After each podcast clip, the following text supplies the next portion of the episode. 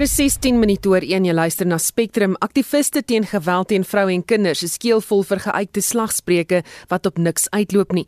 Marlene Forsie berig 'n ernstige versoek word gerig aan die regering, die polisie en Suid-Afrikaners om hulle kant te bring. Lisa Wetten is 'n bekende naam in die stryd teen geslagsgebaseerde geweld. As raadgewer, regsgeleerde en gesoute navorser, het sy minstens 20 jaar se ervaring op die gebied. Sy sê 'n goeie beginpunt vanjaar is om die nie-regeringsorganisasies wat in die stryd betrokke is, veral weens die pandemie, te erken en te ondersteun. In three provinces for up to 7 months, they were running shelters out of their own pockets.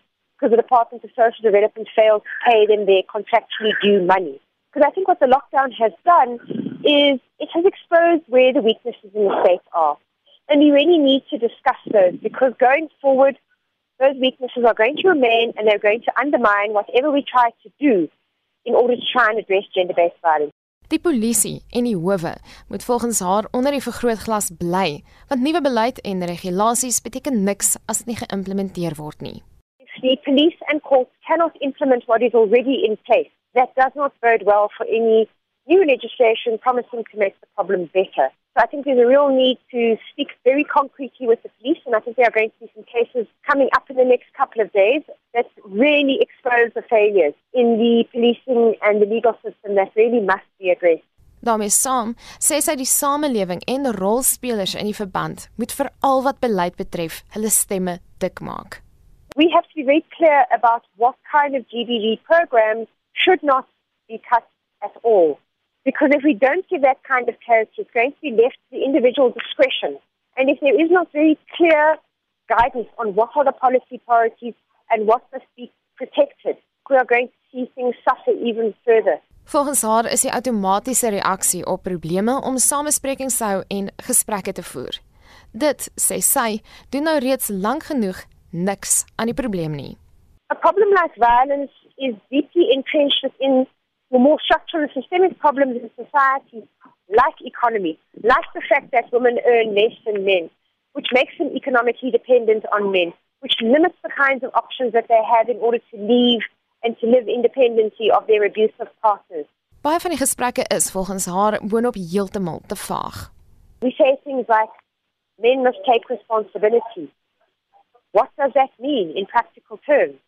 Sometimes part of that taking responsibility is ensuring that there might be services available for boys who've been exposed to violence or for men who are violent and would like to behave differently. Such programs don't exist right now. Dit was Lisa Wetten, 'n kampvegter in die stryd teen geslagsgebaseerde geweld en gesoute navorser op die gebied van wetgewing en beleid om die kwessie.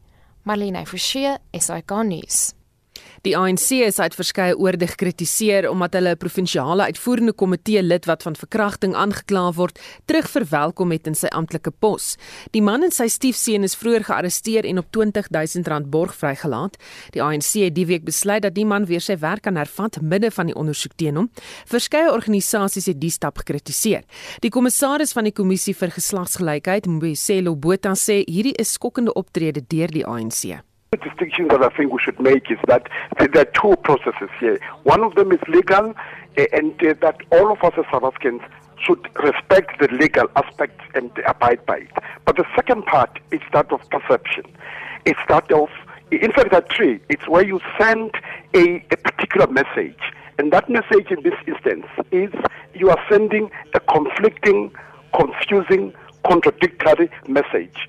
And wh- why am I saying this? We are saying this because, look, the African National Congress is the leader in the country. In fact, you serve at the behest of the ANC in government, meaning, therefore, the PEC it should be an embodiment of that which the African National Congress professes to uphold. Botha sê dis duidelik dat die ANC uit twee monde praat en nie erns het met sy eie mandaat nie. Let's look at one of the pillars of the national uh, strategic plan. And one of the pillars, the first one, in fact, it, it talks about accountability, coordination, and leadership. So, so to make a, a distinction that you, you are saying that as the African National Congress, we embrace the National Strategic Plan as a way to ensure that we deal decisively and, and intentionally and consciously with GBV femicide.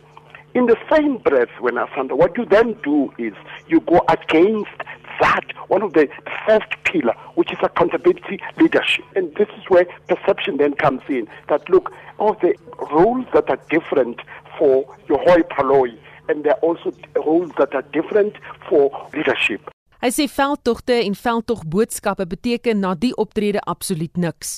16 days, just a day in. You are then sending a clear, clear message that, look, in fact, we will not walk the talk. What we'll do is we'll, we'll have this catchphrase. We'll have this nice sound bite that makes people feel okay that indeed there's something happening. So, so the perception is important because it sends these three types of messages that I've spoken to you about. Botha waarsku egter dat mense nie iemand skuldig bevind voordat die saak in die hof was nie. We must be cautious that we do not allow what one would call a, a kangaroo court, a mob lynching. And we must make that distinction that our courts, I mean, there's, there's always a recourse. If we, we feel uh, upset about any court decision, I mean, there are different levels wherein these uh, decisions will be challenged. So we must make it clear that, look, when the court grants a suspect bail, it doesn't necessarily follow or mean that the court is lenient or the court is sending any message bail has itself inherently means that I, as a suspect, you know, would be allowed or to go and attend the case. So we should really, and maybe that's why it's important that as South Africans we get educated about rape, and but that's a side matter. Now we're talking about a of society, which is the African National Congress. That if I am in Pinar, I'm a young woman in Pinar, in, in Limpopo. I mean, a young woman is Kwapokweni. What does it say to me, listening and mm. hearing? Oh, by the way, this matter is not taken seriously. Because right. all you do is you, don't have to punish. Because by the, let's remember, it's an allegation, Asanda. All that we, we, you do is you're saying that look, step aside. You say that you'll be suspended for primarily, and you are not imputing that this person is guilty or not guilty. En dit was die kommissaris van die Kommissie vir Geslagsgelykheid, Mbuyiselo Botha. Die soektog na 'n veldwagter wat verlede verlede week in die nasionale kreer Wildtuin vermis geraak het, duur voort. Die 51-jarige Checkers Masego het nooit teruggekeer van 'n roetine patrollie in die Stolsnek gebied nie. Die woordvoerder van die nasionale kreer Wildtuin, Ike Pagla, sê hulle het nog geen leidrade gevind nie. That the search for missing field ranger Checkers Masego who went missing in the Stolsnek section of the Kruger National Park during the evening of the 17th of November 2020 continues relentlessly with the joint SAPS and SunParks task team supported by the community. The family of the missing ranger is being continually updated on the team's efforts. Our thoughts and prayers are with Checkers Masheko's family, friends, and colleagues as we anticipate further updates. As information is resourceful, SunParks is appealing to those who might have information or knowledge regarding Checkers Mashego to call the police central number of 10 111 or the SunParks Majok emergency numbers 013 735 0197, 013 735 0197 or 076 801 9679. Dit was die woordvoerder van die nasionale kreer Wildtuin Ike Pagla. Die gemeenskap van drie riviere in vereniging is al 20 dae lank sonder elektrisiteit. Dit is weens 'n kragkabel wat onherstelbaar beskadig is. Die Mfuleni munisipaliteit het aan die SAK nuus bevestig dat hy bewus is van die probleem en dat herstelwerk teen môre klaar behoort te wees. Intussen eis die Vryheidsfront Plus raadslede in die munisipaliteit dat die administrateur se kop moet rol, Anne Marie Jansen van Vuren berig. Die Mfuleni munisipaliteit bestaan uit vereniging van der Belpark, Valoewer en Sebokeng. Die VF+ raadslid Gerda Senekal sê in drie riviere is 'n kabel van 2,7 km lank reeds 2 weke terug beskadig. Die substasie ontplof het. Teen verlede Vrydag was 70% werk alreeds gedoen. Die kabel tussen transformer 58 en transformer 24 van 2.4 km was ook beskadig etlike dae na die eerste ontploffing van die substasie. Dit is vandag dag 20 vir sommige inwoners in drie riviere wat tans sonder krag sit. Die munisipale woordvoerder, Makosonke Sangweni, sê in verskeie dele van die gebied ervaar hulle ernstige probleme met infrastruktuur. Our infrastructure is now old. So what happened is we thought it, it was cable theft, but we realized that our system has just collapsed in that area. So we needed to replace the cable totally. And obviously, when you do that, you need to dig. And it's a very, very long cable. So we needed to dig. And while we were doing that, remember, there were rains, heavy rains the other time, so we had to stop. So the latest information I can tell you is that our guys are busy there. The update that I got is that they are plus or minus 80% almost there to finish. The, by Friday, they should be able to finalize the issue of the cable, and then we'll be taking it from there. But we, on daily basis, are in communication with the electrical department so that we can be able to get an updates. Maar Senekal sê hulle voel dit is onregverdig dat drie riviere se inwoners waarvan 95% hulle munisipale rekeninge betaal, hieronder moet ly wat onder administrasie geplaas is as gevolg van wanbeskeding en korrupsie, is Mfuleni bankrot. Hy kan al vir die laaste 2 jaar nie sy grondwetlike pligte nakom teenoor sy belastingbetalers nie. Die wanbetaling van 90 000 huishoudings is meestal die oorsaak dat Mfuleni nie sy pligte kan nakom nie. Die tweede aanstelling van 'n administrateurderspan in Mfuleni het geensins al verbetering getoon nie. Hulle onbehoorlike en ondeurdenke besluite van hoe 'n kontrakteur aangestel moet word, het gelei tot die vertraging van die herstelwerk in drie riviere. By dit is die kontrakteur ook nie verseker van sy betaling nie. Juist daaroor is die VF+ van mening dat dit die administrateur se skuld is dat die herstelwerk in drie riviere so lank gevat het. Sangweni het SAK nuus na die administrateur se woordvoerder verwys wat nog nie op ons navraag gereageer het nie. Intussen vra Sangweni namens die munisipaliteit verskoning vir die ongerief wat die elektrisiteitstekort aan die inwoners veroorsaak. We understand the frustration, but you must know that ours was no longer a normal municipality, it's no longer a normal area because of the lack of resources in the form of finances and with majority of residents not paying rates and taxes it becomes a problem for us in terms of revenue collection. So we, we're not really in a good financial situation.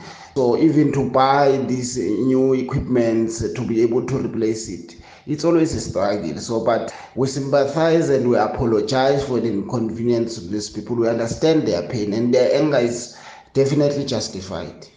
Die woordvoerder van die Mfuleni munisipaliteit, Makosonke Sangweni en ek is Anne Marie Jansen van Vuren vir SAK nuus. Die tenderbedrogsaak waarin die voormalige bedryfshoof van Bosasa en vletjieblaser Angelo Agrizi saam met drie mede-beskuldiges aangekla word in die spesiale handelshof in Pretoria, is dit volgende jaar uitgestel. Agrizi, die voormalige kommissaris van die departement van korrektiewe dienste Linda Mti, die voormalige finansiële hoof van die departement Patrick Gillingham en die voormalige finansiële hoof van Bosasa Andries van Tonder, staan te reg op aanklagte van bedrog, sameswering om bedrog te pleeg, korrupsie en geldwasery. Lila Magnus het meer. Die aanklagte waarop die vier mans tereg staan, hou verband met vier tenders wat tussen Augustus 2004 en 2007 deur die departement van korrektiewe dienste aan Bosasa toegeken is. Die tenders ter waarde van 1.8 miljard rand was vir die verskaffing van spyseniering, opleidingsdienste, moniteringstoerusting, televisies, grensdrade, sowel as die installering van CCTV-kameras. Die woordvoerder van die ondersoekingsdirektoraat, Sindisiwe Twala, sê die saak is uitgestel sodat die beskuldigdes se regspanne die duisende dokumente en bladsye van die dossier kan bestudeer.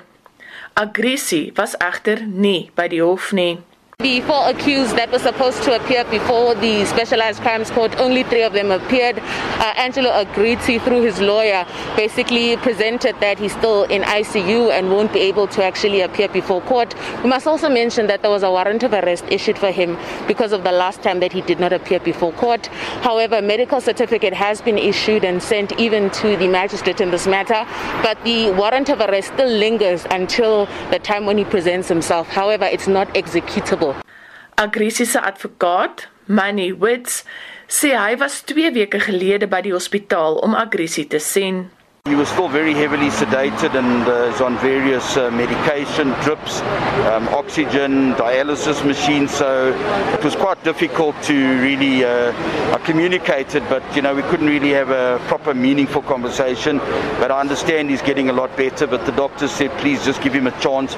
Don't put him under any uh, pressure, etc., so he can recover. Aggressie het in Oktober 'n hartaanval gekry nadat hy borgtog in die Johannesburgse Landdroshof geweier is. Sy appel aansoek teen die Landdros se besluit was egter in die Hooggeregshof in Johannesburg suksesvol. Aggressie word in Johannesburg saam met 'n voormalige ANC LP Vincent Smith aangekla van korrupsie ter waarde van 800 000 rand.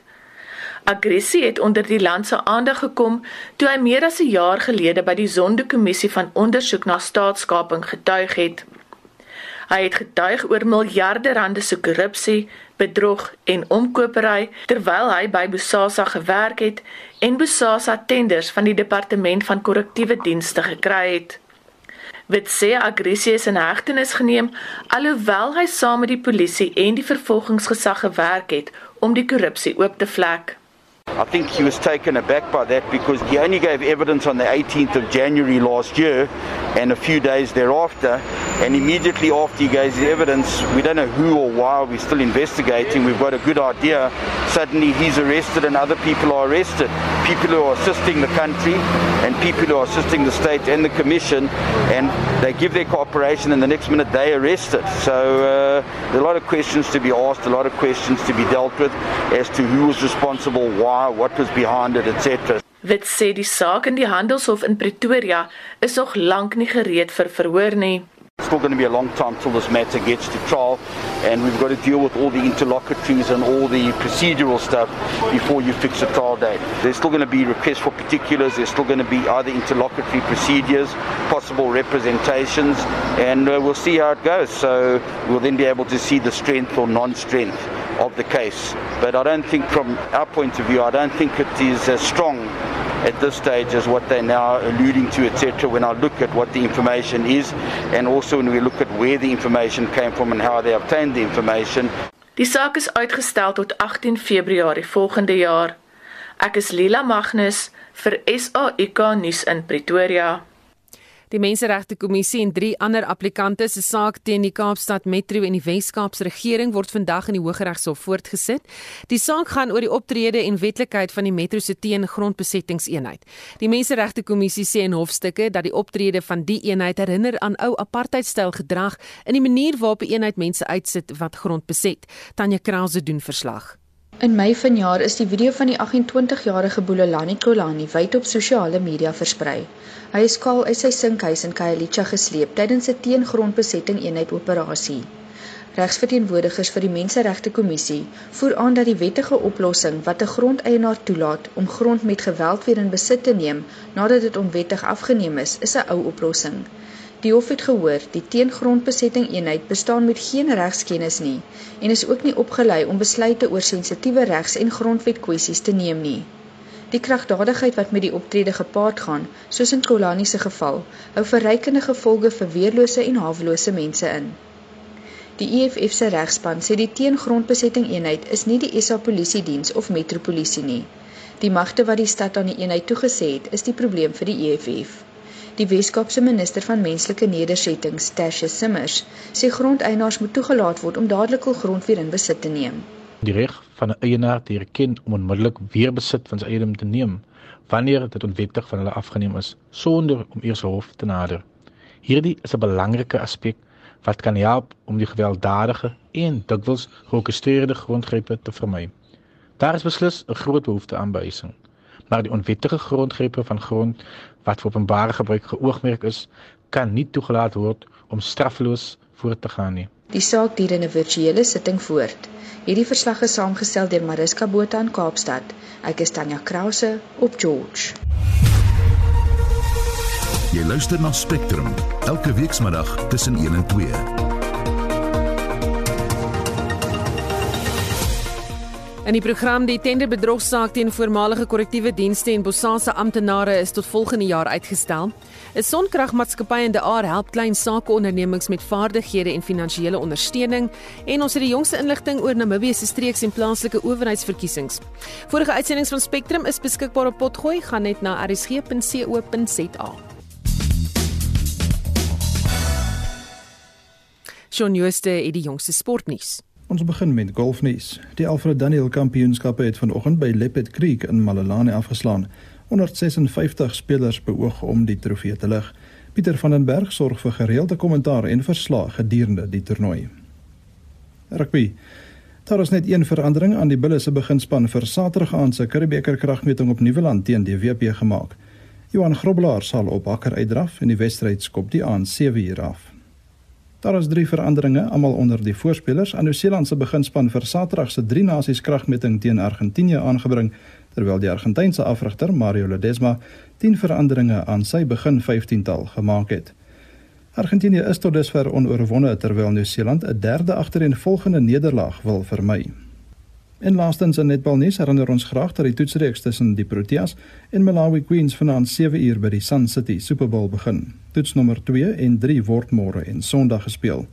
Die Protea afrigter, Dorette Badenhorst, verduidelik wat Suid-Afrika hoop om te bereik met die toetsreeks.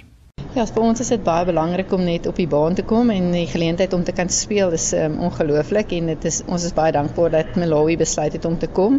In die begin het ons nie gedink ons gaan enige internasionale wedstryde hierdie jaar hê nie, maar ek dink vir ons beplanning vir 2023 is dit belangrik dat ons um, internasionaal speel en ons het nou hierdie geleentheid gekry. So ja, ek sal graag wil gedoen. Ek wil vir ons ranglysdoeleindes wil ek graag gedoen, maar die belangrikste is dat ons begin werk in ons diepte vir 2023 en soveel as moontlik moontlik spelers geleentheid gee om op die baan te gaan en dan kombinasies te begin werk. Ja, om teen Malawi te speel en teen Afrika te speel is altyd um, 'n moeilike wedstryd. Hulle is um, anders as wat die topspanne in die wêreld is in die feit dat hulle nie regtig struktuur het nie. Hulle speel nie volgens 'n spesifieke plan wat jy kan analiseer nie. So dis baie meer belangrik om hulle as spelers te analiseer as hulle as span te analiseer omdat hulle 'n um, bietjie ortodoks speel. So baie balle wat agtertoe gespeel word, klomp balle wat gespeel word, hulle behou altyd balbesit en hulle doel ongelooflik akkuraat gehad. Ehm um, so ja, dis nie altyd maklik om balle teen hulle te draai nie en dit maak dit baie moeilik um, om voor te berei teen 'n span soos Malawi. En daardie sportverslag is deur Shaun Jooste saamgestel en so Shaun gesê het hier is Pieter van der Berg vir die jongste oor die Alfred Daniel Golfkampioenskap wat plaasvind op Leopard Creek in Malelaan. Goeiemôre Pieter. Hallo sê Susan. Ja, dit is 'n heerlike dag in uh in eh, ek wil amper sê in die Laagveld en teen die Kreer Nasionale Kreer Wildtuin, die golfbaan natuurlik net so ook aan die Krokodilrivier van die Wildtuin af en dit is 176 100 skus 156 spelers wat natuurlik in aksie is in die eerste ronde van hierdie Alfred Daniel Kampioenskap vanoggend uh, reeds vroeg om 6:20 het die eerste manne afgeslaan en dit is uh, die laaste spelers wat so 'n uh, paar minute gelede hulle ronde begin het. Maar goeie nuus vir Suid-Afrika in uh, die vroeë spel was dit uh, die man van Frankryk, Robin Roussel wat die, alleen die voorloper was op 700. Ek sien dat Adrian Moronk van Pool het hom by hom aangesluit. Hy's ook op 700 syfer nou, maar daar's 'n paar Suid-Afrikaners wat uh, besig is om hier hulle paadjie in die leertjie te klim na die bopunt van uh, die voorlopersbord. Jacques Blou, hy het so pas 'n voetjie aangeteken op die 6de, die 4de vir die dag, so hy is 400 syfer. JB Creer, hy het vir sy ronde voltooi 300. Jaden Skyper ook op 300, maar die belangrike nuus is dat die man wat die afgelope naweek al die oop om gehad het, Wilco Ninaber, hy het sommer afges, uh, afgeskop vandag met 'n driekuns. Hy het op die eerste, tweede en derde het hy voetjies behaal. Hy speel op die sesde. Dis is sy vir 4 en hy het sopas sy bofhou met 'n uh, 3 hout het hy van uh, die bof af byna byna tot op die setperk geslaan. So hy behoort dalk hier nog 'n uh, voetjie aan te teken op die sesde en dan ook na 400 te beweeg. Dit is 'n baie interessante dag ten opsigte van die feit dat dit koeler is. Die oorseese stewers geniet die omstandighede. Verlede jaar het hulle baie warm gekry, maar ek dink gaan so iets wat beter met hulle van jaar omdat dit koeler is Susan, maar die nuus dan Robin Rousseau van ehm um, Frankryk, hy is die gesamentlike voorloper saam met Adrian Maronk van Pole, beide op 700 syfer, maar 'n paar Suid-Afrikaners wat besig is om goed te vaar. Ons gesels deur die loop van die middag weer op RSG en daarmee terug na jou in die ateljee. Dankie en dit was Pieter van der Berg van RSG Sport. So 13:35 jy luister na Spectrum. Die minister van hoër onderwys, Dr. Blyden Simandi sê die meeste tersiêre instellings landwyd is op koers om die akademiese jaar betyds te voltooi. Hoewel van die instellings eers in Maart klaar maak, sal daar volgens hom genoeg tyd wees vir matriekleerdlinge se finale keuringsprosesse. Maar hy Forsie berig finansies bly kopseer, maar dat daar tog ook waardevolle lesse geleer is. Die 2020 akademiese jaar is gered en die minister het die onderskeie instellings se vordering met groot opwinding voorgeles. University of Johannesburg and University of Pretoria plan to complete the 2020 academic year during this month. And in fact, UJ has completed. Eight universities, which is Cape Peninsula University of Technology, Salt Lake University in Kimberley, Stellenbosch University, University of Cape Town, University of the Free State, UNISA, University of the Western Cape, and WITS plan to complete in December 2020. Northwest University, Rhodes University, and University of Mpumalanga are planning to complete in January 2021. And nine universities, which is Central University of Technology in the Free State, Durban University of Technology, Mangosuthu University of Technology, Nelson Mandela University, University of KwaZulu-Natal, University of Limpopo, University of Venda, University of Zululand and the Valley University of Technology plan to finish their academic year in February 2021. Sfako Makhato University, Tshwane University of Technology, University of Fort Hare and Walter Sisulu University plan to finish their academic year in March 2021. En hulle hiervan het hy die versekering gegee dat volgende jaar se eerstejaars nie bekommerd hoef te wees dat hulle uitslaa te laat bekend gemaak word nie. Vir diegene wat 'n beroep in handvaardighede soek, is daar boonop 'n lys van sowat 300 gesogte beroepe in die land saamgestel. Intussen het Nisvas aangekondig dat diegene wat die jaar moet klaarmaak, steeds befondsing van die organisasie sal ontvang. Nisvas managed to identify additional funding for living allowances to cover meals and personal expenses. And please, this money is only for meals and personal expenses. Dit sluit egter studente uit wat reeds die akademiese jaar voltooi het. Intussen gaan die beloofde skootrekenaars aan diegene wat nie toegang daartoe het nie, eers beskikbaar gestel word wanneer die nuwe akademiese jaar in 2021 afskop. I wish to apologize to all affected. It was not an intention to have this delay, but it was very important to ensure that the procurement processes were followed strictly and according to the rules. Nzimande sê sy departement gaan volgende jaar 'n aggressiewe benadering volg om die gaping tussen ryk en arm te verklein, omdat dit duidelik is dat die agterstand in die meeste gevalle steeds te groot is. Intussen is daar bevind dat die uitslae van jaar in verskeie gevalle verbeter het. Initial research indicates positive impact in many cases in respect of one, the multimodal blended approach to teaching and learning. It's proving that it has worked in improving results. The second factor is opportunities provided to students to learn in different ways, more flexibly and at their own pace. In other words, the new teaching methodologies were introduced in response to COVID-19 have proven to have had a positive impact. Dit was die minister van hoër onderwys, Dr. Blyde Nzimande. Hy neem voor om 'n interministeriële taakspan aan te stel om aanlyn en digitale onderrig 'n permanente element van hoër onderwys te maak. Marlene Forsie, SAK nuus.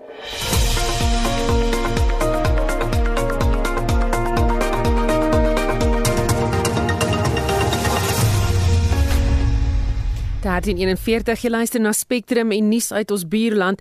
Namibië het gister hulle krisis gaan trek in Namibië se streeks en plaaslike owerheidsverkiesings. En vir die jongste daar praat ons met Andries Mouton van die Namibiese Uitsaai Koöperasie MBC. Goeiemôre Andries. Goeiemiddag Susan en goeiemiddag aan elke luisteraar. Logisties, was daar enige probleme en uitdagings tydens die verkiesing? glad geen daarvan gewees nie Susan die uitgestrekte aard van Namibië maak dit ook in elk geval nogal redelik moeilik vir alles mense plekke soos Kahuku-land en soos ons vlei en die plekke ken maar die verkiesingskommissie van Namibië het altesaam 4102 stempunte gehad wat eintlik daarop neerkom vir die hoeveelheid kiesers wat vir die plaaslike owerheid geregistreer was, is dit 110 mense per uh, per stempunt en 335 mense wat aan die streekverkiesing sou deelneem en 'n geweldige hoë persentasie van hierdie stempunte, tevens 2761 van hulle, 67% was mobiele stem uh, punte gewees. En een van die redes daarvoor was juis die invloed wat uh, COVID-19 gehad het, met ander woorde waar uh, stempunte gewoonlik 'n permanente stempunt by 'n uh, tehuis vir bejaardes was kon nou net bejaardes van stem met by so byvoorbeeld so punt en dan het hierdie mobiele stempunt van die huis vir bejaardes na die ander ene toe beweeg en ook daar waar kwesbare mense is. Die verkiesingskommissie het ook baie gebruik gemaak van privaat voertuie wat hulle gehuur het om hierdie logistieke nagmerrie eintlik uh, te bowe te kom. Is daar 'n verandering in die politieke klimaat na verlede jaar se presidents- en nasionale verkiesings? So, uh, Susan, ek dink die kodewoord uh, hierdie jaar en spesifiek met die streek en plaaslike owerheidsverkiesing is is aktiveer. Ehm um, ek weet nie of daar by julle in Suid-Afrika ook die sogenaamde leenstoel politisie is en selfs die leenstoel skeieregter nie, maar in elk geval hier by ons het Namibië het ons ook probleme met hulle, maar een van die uitwerkings van hierdie uh, verkiesing was gewees mense is geaktiveer, mense uh, daar's nou meer mense om verkose politici verantwoordbaar te hou. En selfs die president het hier in die aanloop tot die verkiesing opgemerk hoeveel gedeeltes van die bevolking wat in die verlede nie noodwendig aan die politiek belang gestel het of wou gaan stem het nie wel geregistreer het om te gaan stem en toe op die ouene gaan stem het. Wat nogal anderster was ook hierdie jaar of met hierdie verkiesing was dat die debatvoering dalk meer konfronterend van aard was maar ek dink wat dit tog bietjie anderster maak hier by ons dalk as daar by julle is dat ons onthou ons was in 'n oorlog gewees in 'n burgeroorlog. So maak nie saak hoe ons in bekgevegte betrokke raak nie. Ons weet ons is nie werklik waar ehm um, op pad na 'n uh, 'n uh, 'n uh, uh, oorlog toe nie. En wat ook anderster was aan hierdie verkiesing was die manier hoe mense weens Covid nie regtig waar groot partytetiese saamtrekke kon kon doen. Hulle moes baie van sosiale media veral uh, afhang om van hulle boodskap oor te kry. Dit het natuurlik ook die deur oopgemaak vir fopnuus en allerlei soorte propaganda en dis meer. Maar ook 'n ander ding wat gebeur het is met die sukses wat Dr. Pandoleni Itula as 'n onafhanklike kandidaat vir hierdie jaar uh, gehad het, het dit 'n moontlike wegbreek van partytetiek eintlik nogal gemaklik gemaak en dan ook selfs dat daar mense binne 'n spesifieke partytetiese opset uh besluit man ons moet iets anders te doen as wat die party noodwendig sê. Enige uitslae? Daar's nog op hierdie stadium niks uitslaa nie. Ek sit hierso in die uitslagsentrum met 'n drawback. nou ek seker iemand gaan jou kan help daarmee Andries. Baie dankie. Dit was Andries Mouton van die MBC in Windhoek in Namibië. Hy sit by die uh, die verkiesingsuitslagsentrum daar en nou die situasie dom. En ons sal kyk of ons uh, weer die jongs by hom kan kry môre of uh, in monitor môreoggend.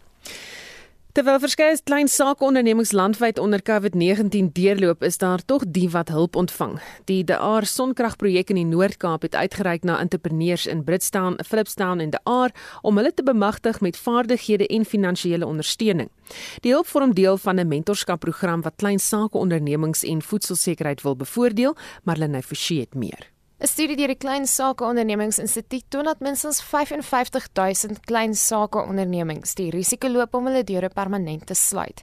Die ondersteuning wat deur die sonkragprojek gebied word, help egter dat mense soos Catherine Reed se drome waar word. Dit ten spyte van uitdagings soos die erge droogte in die gebied. Sy het in 2018 begin om met skape en beeste te deel waarvan die vleis en skaapwol verkoop word. Ons ondervind vreeslike droogte hierso. Ons droogte en skaarste van water. Ons het nie water in die omgewing nie. Uh, ons moet heel wat ver ry om water te gaan haal. Maar toe het ons daarom nog geboor en nou water gekry. Intussen het daar ook geleenthede voortgespruit uit die pandemie. Amos Reed in Philipstown het begin knoffelplant in reaksie op die groot vraag daarna, veral tydens die pandemie. Krops het goed gegroei. Ons het 'n bietjie probleme hierdie jaar met winter, maar ons doen dit baie goed met die die fondse wat ons gekry het. Ons het al ons equipment, ons doen baie goed daar. Volgens die daar sonkrag aanleg se gemeenskapskakelbeampte Anita Tuiker is die ondersteuning van individue soos die hulle manier om die gemeenskap te help om 'n beduidende rol in voedselsekerheid te speel. We assist the different SMMEs with training and mentorship for their businesses so that they can have sustainable businesses because our aim is to be, support them for about two years or so and then allow them to be able to grow and sustain themselves. We aim to address the issues of food insecurity. So, with most of our businesses, they are focused on the issues of food security. For example, the garlic farm. Due to COVID, as we know, garlic is also one of the necessities. Die projek bied ondersteuning aan sakeondernemings binne 'n 50 km radius van die aanleg. Hierdie verslag deur Nobelungu Nowapane in die Aar in die Noord-Kaap, Marlene Forsie, SAK nuus. Tegnologiese ontwikkeling veral in die banksektor sal Suid-Afrikaners help om hulle self te verryk. Die jongste Mastercard-navorsing toon dat 95% van mense op die Afrika-kontinent steeds kontant betaal en nie van banke of hulle aanlyn fasiliteite gebruik maak nie. Christof Pinaar, die hoof van tegnologiese ontwikkeling, media en telekommunikasie by Klif Dekker Hofmeyer sê, as mens daardie prentjie kan verander, sal dit lei tot meer rykdom vir mense. Die maklikste beginpunt is om te kyk na sê nou maar ehm um, Europa in vergelyking met Afrika. Baie meer infrastruktuur, 'n 'n eeueoue bankstelsel en betalingsstelsels. Daar's 'n banktak op elke hoek en weet hulle tot baie onlangs nog of dalk nog steeds gebruik hulle nog checks. Weet soos 'n regsfirmas en maatskappye en so aan baie van baie van hulle betaal nog in in met checks en en gebruik nie eers weet elektroniese betaling want dit is maklik in daai omgewing. Nou aan die ander kant, ehm um, weet Afrika het 'n paar groot stede, maar die grootste gedeeltes van die bevolking van van Afrika lande is nog steeds in die, in die, in die plattelandse gebiede. En baie mense het nie uh, bankrekeninge nie. Hulle het nie toegang tot outomatiese tellermasjiene nie. Hulle het miskien nie toegang tot tot tot rekenaars of weet so aan nie. Maar hulle het selfone. So as gevolg daarvan is is Afrika 'n baie groot kom ons sê groei area vir finansiële tegnologie want daar's 'n probleem wat opgelos moet word. Weet waar dieselfde probleem bestaan nie in 'n in 'n infrastruktuurryke omgewing soos soos Europa nie. So al hierdie hierdie tipe van meganismes soos soos ehm um, digitale beursies ehm um, of die wallets soos wat soos dit algemeen bekend staan, weet waar jy betalings kan maak bloot deur iemand se selfoonnommer ehm um, te gebruik. Ehm um, en dan gaan dit nie na 'n bankrekening toe soos wat ons dit ken nie. Ehm um, die persoon kry 'n kode en as hulle eendag by 'n teller masjien uitkom, dan kan hulle daai kode gebruik en kontant kry. En daar's nog baie vertroue in kontant want die die die die hele kom ons sê skuif van kontant na elektronies weet daar's nog al 'n redelike kom ons sê emosionele en ook 'n vertrouensaspek ehm um, daaraan.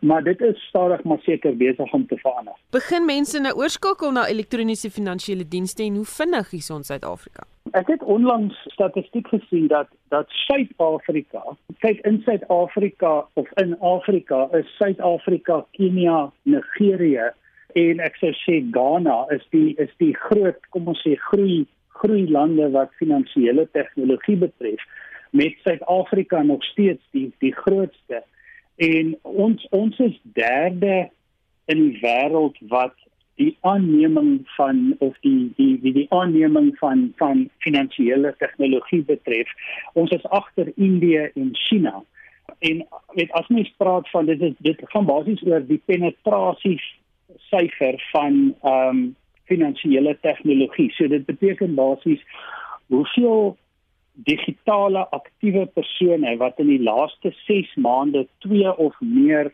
finansiële tegnologie applikasies gebruik het. Okay. In Suid-Afrika, so Indië en China is hier by die 87% rond in Suid-Afrika is 82 waar die wêreldwye gemiddeld is 64%. Finansiële tegnologie is hoe, hoe kan ek sê is is besig om baie vinnig te groei in Suid-Afrika en dit is 'n dis is dis 'n baie baie goeie mark vir dit. Wat sê rol van finansiële tegnologie of fintech, jy weet om mense finansiëel te bemagtig wat die ekonomie aanbetref of ekonomies te kan insluit? Finansiële tegnologie, kom ons sê die klassieke finansiële tegnologie het maar begin by betalings. Is maar net die maak van elektroniese betalings. En daar het 'n heel daar het 'n hele ekosisteem ontstaan rondom betalings want betalings jy weet daar sekuriteit nodig dat mense met vertroue betalings kan maak. Die prosesering van daai betalings moet gebruik word. Weet mense doen verlenings aansoek en dit gebruik weet alles net deur 'n selfoon te gebruik. So ehm um, dit dit dit dryf verseker finansiële inklusiwiteit want dit gee vir meer mense die geleentheid en dit maak dit makliker vir 'n groter hoeveelheid groter persentasie van die bevolking om deel te neem aan die kommersiële lewe. En dit was Christof Pinaar hoof van tegnologiese ontwikkeling, media en telekommunikasie by Klif Dekker Hofmeyer. Uitsonderlike foto-uitstalling oor die voormalige president van Kiba, Fidel Castro, is by Vryheidspark in Pretoria geopen om die 4de herdenking van sy afsterwe te gedenk. Die 30 fotos kom uit die argief van die Latyns-Amerikaanse Persagentskap en is nog nooit in Suid-Afrika tentoongestel nie. Castro en Kiba het 'n groot rol gespeel in die stryd teen die apartheidregering in Suid-Afrika en die spesiale band tussen die twee lande bestaan steeds. Lila Magnus doen verslag. Die uitstalling beeld Fidel Castro uit in verskillende fases van die Kubaanse revolusie.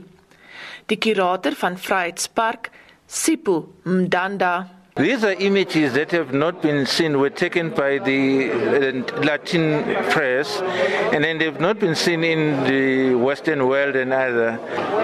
They tell a narrative, the history of Cuba, the role Cuba played in various uh, countries in Africa and India and elsewhere near Vietnam.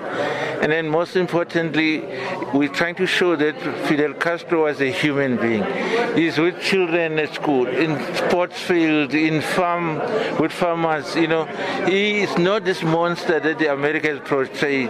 He was easy with the people. He went to the lowest of them all and then also to the highest of them all. Die Suid-Afrika se voormalige president Nelson Mandela uit die tronk vrygelaat is, was Kuba die eerste land wat hy besoek het wat nie in Afrika was nie. Kuba het 'n belangrike rol gespeel om die ANC te help om die apartheidsregering tot 'n val te bring. 'n Lid van die ANC se nasionale uitvoerende raad, Lindiwe Maseko, sê die ANC sal altyd dankbaar wees vir die rol wat die Suid-Amerikaanse land gespeel het. As the ANC, we remain eternally grateful for the selfless contribution of the Cuban people to our liberation and in particular the courageous leadership role played by Commander Chief uh, Fidel and, and President Fidel Castro, who ensured that Cuba played a direct, extensive, critical, and decisive role in the struggle against the apartheid regime. Die goeie verhouding tussen die twee lande het die afsterwe van beide Mandela en Castro oorleef. Dit kan veral gesien word in Kuba se opleidingsprogram waar hulle Suid-Afrikaners as dokters oplei. Die Kubaanse ambassadeur in Suid-Afrika, Rodolfo Benitez Ferson. Very soon before the end of the year, almost 700 of young South Africans that were training Cuba's medical doctors will be graduating. It is going to be the largest historical graduation of medical doctors in the history of South Africa. Maseko het die Kubaanse regering verder bedank vir hul bystand tydens die COVID-19 pandemie en gesê die ANC sal Castro se beginsels aanhou nastreef. Thank you Commander Fidel Castro for this amazing legacy and solidarity with the most vulnerable people in the world. As the ANC We will continue to build towards the national democratic revolution, ultimately leading to socialism like Cuba, and ensure that we have seen in your country that all education and health is free and of high quality. Our transport, water, and electricity will one day be highly subsidized, benefiting the most vulnerable in our society. Die foto-uitstalling sal tot die einde van Januarie oop wees vir die publiek. Ek is Lila Magnus vir SAK nuus in Pretoria.